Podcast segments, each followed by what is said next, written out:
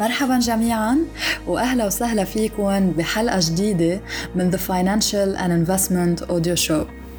بحلقتنا لليوم الحلقة العاشرة حنكون عم نركز على موضوع الاستثمار بالذهب تحت عنوان The Golden Investment. أكيد بسياق الحديث مع مستر عبد الله حرفوش الخبير الاقتصادي والمالي. حنكون عم نجاوب على كل الأسئلة اللي عم تنطرح بخصوص هيدا المجال. بدنا نرحب فيك مستر عبد الله مرة جديدة. Hi كريستال وأهلا وسهلا فيكي كمان. thank you على المقدمة. وبدي أوجه تحية لكل اللي عم بيسمعونا لكل اللي عم يتابعونا واللي عم نقدر نشوف صاروا أشخاص عم بيتابعونا دايما. يعني العدد الموجود عم بيتابع دايما ال episode تبعنا وفي أشخاص جداد عم ينضموا. هذا الشيء حقيقه بيكبر القلب وبيفرجي هيك بيريحنا إنه نحن عم نعطي ال value يلي الأشخاص عن جد عبالهم يكونوا عم ياخذوها أكيد عبد الله وبضم صوتي لصوتك بدنا نتشكر جميع المستمعين فردا فردا على الدعم المستمر اللي عم بينعطى لل F and I audio show ويلي عم بحفزنا كل مرة عن مرة إنه نقدم الأفضل اللي عنا. تندخل بصلب الموضوع. أول سؤال لك عبد الله بما أنه اليوم عنوان حلقتنا هو The Golden Investment ورح نكون عم نحكي عن ال gold آه ال gold من آلاف السنين بعده محافظ على قيمته. أول سؤال هو شو هي ال significance ال historical significance of the gold أو بمعنى تاني آه المعنى التاريخي للذهب. بالنسبة لسؤالك ال gold اكتسب اهتمامه والاهتمام الكبير من وقت أيام الفراعنة. عم نحكي عن يعني 2600 سنة قبل المسيح تقريبا وغيرها so هون كان بلش أكثر لما بلشوا ال يعني ال Egyptians القدماء بلشوا بطريقة معينة إنه يعملوا الأصنام أو يعملوا وجوه أو مسكات الآلهة تبعهم من الذهب هون بلش ياخد قيمته الذهب وبلشت ال value تبعه تطلع أكثر وأكثر وخصوصي إنه اليوم عم نحكي عن سموه the shining metal يعني المعدن شو اللي بيضوي أو يعني بيلمع. لأنه غير عن الذهب غير عن الحديد العادي هونيك ما بي ما بيلمع على الضوء غيره هون. لا كان يعطي مثل وهج معين. وكان بمجرد ما ربطوه بآلهة معينة بلش ياخد قيمته أكتر وأكتر. لبعدين آه قبل من زمان كان الاقتصاد كله يمشي مثل économie de troc يعني آه barter trade أو تبديل أمور ببعضهم. يعني حدا عنده مثلا for example آه ما بعرف آه هو عنده حق القمح وحدا تاني آه بيروح بيتصيد صياد سمك. فكان قد إيه بيطلع القمح بوجه الذهب بوجه عفوا قد إيه بيطلع القمح بوجه السمك كانوا يزينوه يبدلوا بين بعضهم. ما كان في شيء يعطي له قيمة ويفرق بيناتهم. لحديت ما بلش يعتمد نتفة نتفة الذهب بهذا المجال. صار في ليرة الذهب وصاروا يقيموا كل الأمور نسبة للذهب أو نسبة لكم أونصة أو ليرة ذهب كانوا عم يتصرفوا فيها وعم يشتغلوا على أساسها. بس ما كان في بوجه عملات بطبيعة الحال. أها بما أنه حكيت عبد الله عن الأهمية التاريخية للذهب من ناحية التبادل وغيرها كمان بهمنا نعرف إنه ليش بالوقت الحالي بعده يعتبر الذهب ملاذ آمن safe haven أو بمحلات معينة كمان يعتبر insurance لل portfolio ضمانة لإله. هلأ بطبيعة الحال يعني اكثريه الأوقات اكثريه ال fund managers خصوصي بحالة الكريزة العالمية بحطوا دايما بال portfolio تبعهم بزيدوا الذهب لأنه عادة أو حتى مش برات الكريزه بيكون واحد عم بحط نتفة ذهب لما بيكون عم بيعمل diversification لأنه اكتسب من زمان مكانة معينة واللي هو يعتبر الملاذ الآمن بوقت ال crisis الكبيرة. يعني اليوم من وقت الحرب العالمية الحروب العالمية للحروب لل crisis الاقتصادية اللي بتصير عادة بال stock market وبالعملات وبالاقتصادات. يعني العالم بتصير بدها محتارة لوين بدها تركض لتترك ال value والقيمة تبع المدخرات تبعها أو عملتها.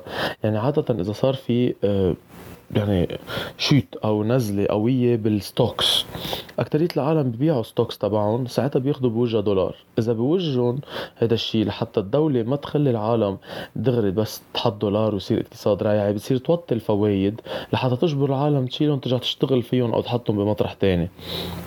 فلما عم بيصير في crisis عالمية كبيرة وبينزل ال stock market بشكل كتير كبير بنفس الوقت العملات بتكون unstable وفي volatility كتير عالية عليها يعني في تخبط بالعملات حسب البلدان يلي عم تنهار اقتصاداتها أو عم تضعف اقتصاداتها.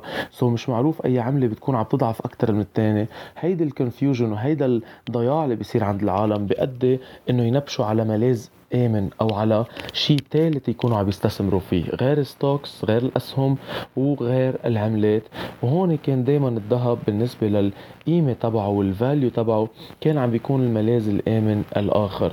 وقت واحد بده إيه لابد ما بده يشتري stocks ولا بده آه ولا قادر يشتري بيوت ولا قادر يشتري stocks ولا قادر يترك مصرياته بالبنك لأنه الفوائد تقريبا صفر. so بيخسر من قيمتهم مع ال inflation وخصوصا إذا إذا ضعفت العملة. كان كان الروحة أو الهروب دايما على الذهب بخصوص إنه مسعر على الدولار. so لما كان بيضعف الدولار بيطلع الذهب. يعني عالم ما عم تطلب كتير دولار بيكون عم يضعف. بنفس الوقت ما عم تطلب على الأسهم بيكون ال stock market عم ينزل. ساعتها بيروحوا أكثر على ما يعرف بالذهب لحتى يكونوا عم بيأمنوا ال value تبعهم. so إذا بيرجع بيطلع قيمة الذهب بصير يطلع لهم دولار أكثر إذا باعوا الذهب. طيب عبد الله بما أنه ال gold هو مثله مثل أي precious metal يعني عرضة إنه يكون في طلب عليه أكثر ما في عرض آه، هل في احتمال إنه يخضع ل shortage أو يكون عرضة للانقراض مثلا؟ صراحة هون بدنا نقسم الأمور قسمين، أول شغلة عنا ال physical gold آه، بطبيعة الحال ك shortage إيه أكيد إذا أوقات إذا البنوك وقفت آه، تبيع ذهب خففت بيع الذهب نظرا لطلب كتير كبير بده يصير عند العالم هون الأسعار بتبلش تعلى. دايما نحن عنا شيء اسمه سعر الشراء وسعر البيع. هيدي حسب ال supply وال demand أو حسب العرض والطلب. دايما لما بزيد بيصير الطلب أكتر بكتير من العرض يعني بيكون صار في shortage بالعرض هون بيعلى السعر بشكل كتير كبير لحتى يصير في category من العالم أو level من العالم بس عم بيقدروا يشتروا اللي عندهم مصاري أكتر من غيرهم. البقية بصيروا يحسوه غالي ما بيعودوا ياخدوه. وهون بمطرح تاني كمان بفوت أكتر ال electronic trading على الموضوع اللي بيعلي الذهب. لما يكون في مبالغ عم ينشرى بشكل كتير كبير أونلاين بما إنه صار ال access مش بس physical online ينشرى هذا الشيء بيساهم أوقات ال fluctuation والسرعة بالطلعة تكون أكتر بكتير أو بالنزلة من الأيام العادية.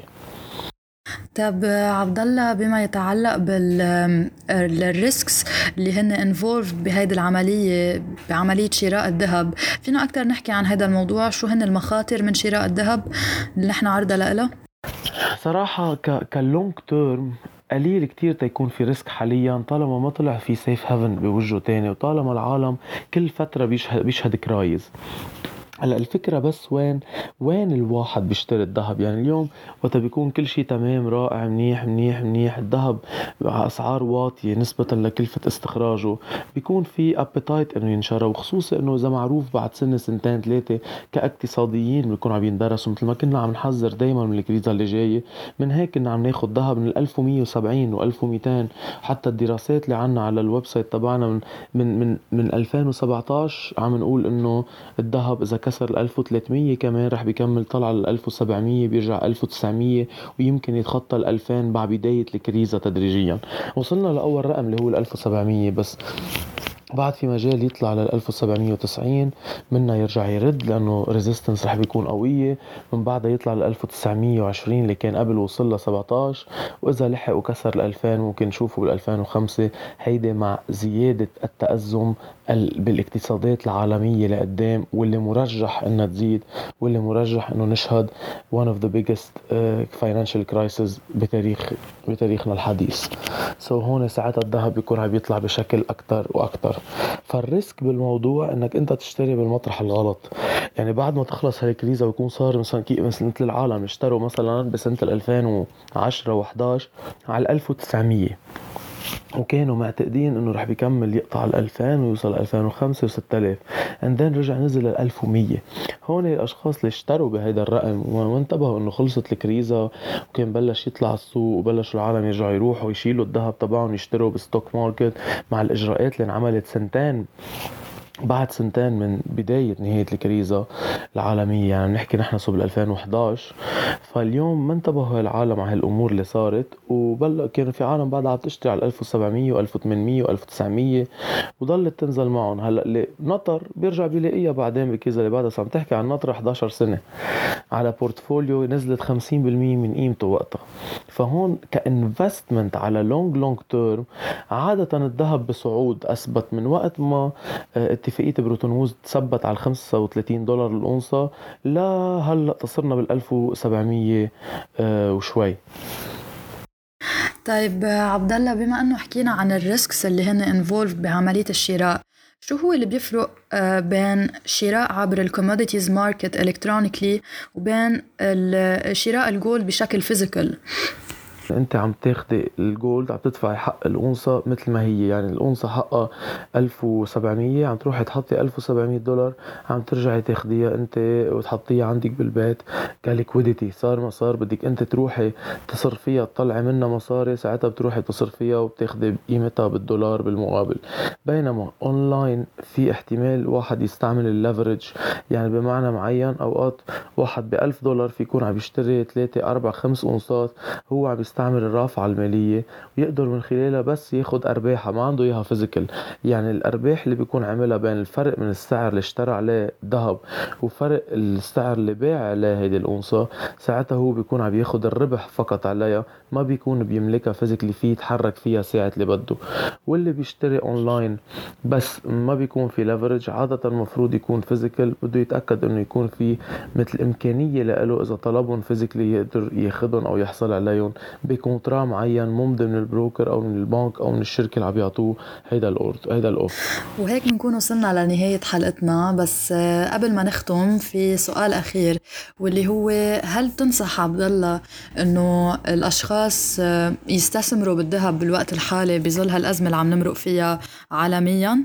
أه, آه، صراحة يعني نحن هلا بأول جانوري بلشنا بجانوري يعني بأول أول السنة كتبت أنا أصلا كنت من قبل 2019 حاكي عن ال gold it's one of the best investment اللي بدك تعمله على ال long term يعني من ل 3 4 5 6 ويمكن 10 سنين لقدام. لأنه في احتمال يرجع يشوف ال 1900 ولا بل كان يطلع لل 2500 وبعدني على كلامي إذا شهدنا الكريزة وقوة الكريزة اللي أنا متخيل إنه معقول تصير. هلأ آه، من وقتها كنا بال 1204 1240 عفوا آه ال gold. وبعده عم بيطلع من ثلاث سنين لهلا صار صار طالع تقريبا 500 دولار ك value so so هون يعني صار طالع تقريبا عم نحكي يعني حوالي ال 35% أو 33% يعني which is not منه مبلغ آه منه percentage قليل بظرف ثلاث سنين بمعدل تقريبا 10% 11% بالسنة إذا اللي كان عم يستثمر ذهب من وقتها ولكن أكيد آه عملت فيديو أول أول هيدا السنة كمان حاكي اسمه يحوى على ال YouTube channel تبعنا عبد الله حرفوش وحتى about forex space. بقول فيه شو هو ال best investment for 2020 وبقلبه بفسر about 21 22 ويمكن 23 وحكينا بشكل كتير كبير عن ال gold وعن ال silver as ال gold هو number 1 كواحد فيه يستثمر فيه وال silver كمان لأنه بنظري it's super super أو يعني آه يعني منه منه valued ابدا يعني undervalued مثل ما بيقولوا يعني منه منعطى قيمته حقيقه في احتمال يرجع يطلع على ال highات اللي طلع طلع بالماضي من 50 دولار 45 48 دولار وصعودا. وهيك العالم بتكون عم تقدر تستفيد ضرب ثلاثة بينما الذهب ما بيكون. يعني بدك تستفيد ضرب اثنين بدك تكوني تقريبا شارية.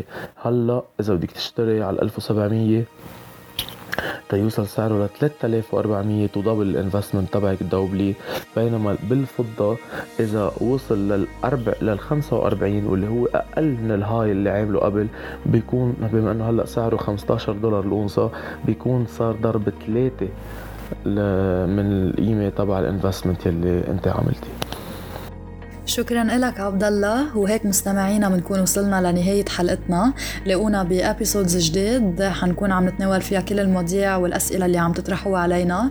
لاقونا و thank you لك كمان. وإن شاء الله يكونوا استفادوا كثير المستمعين من هيدا من هيدا البودكاست. وبنوعدهم ب podcastات جديد يكون في more and more value لقدام.